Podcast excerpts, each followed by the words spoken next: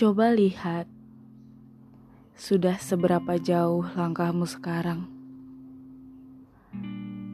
Coba lihat, sudah berapa gulungan ombak yang telah kau lalui. Coba lihat lagi, sudah berapa banyak kerikil kecil yang bisa kau langkahi. Sudah. Bagaimana? Sudah jauh sekali, bukan?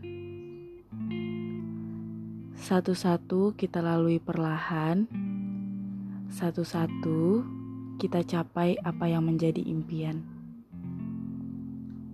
Gulungan ombak, kerikil kecil, sudah membawamu jauh sekali kepada dirimu yang lebih baik lagi.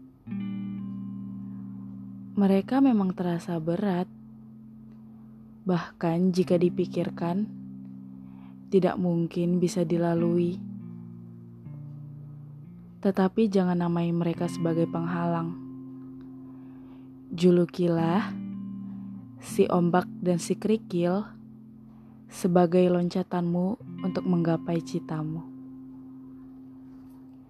Satu dua kali kita sering keras kepada diri sendiri Tak jarang juga memaki diri atas setiap gagal yang menghampiri.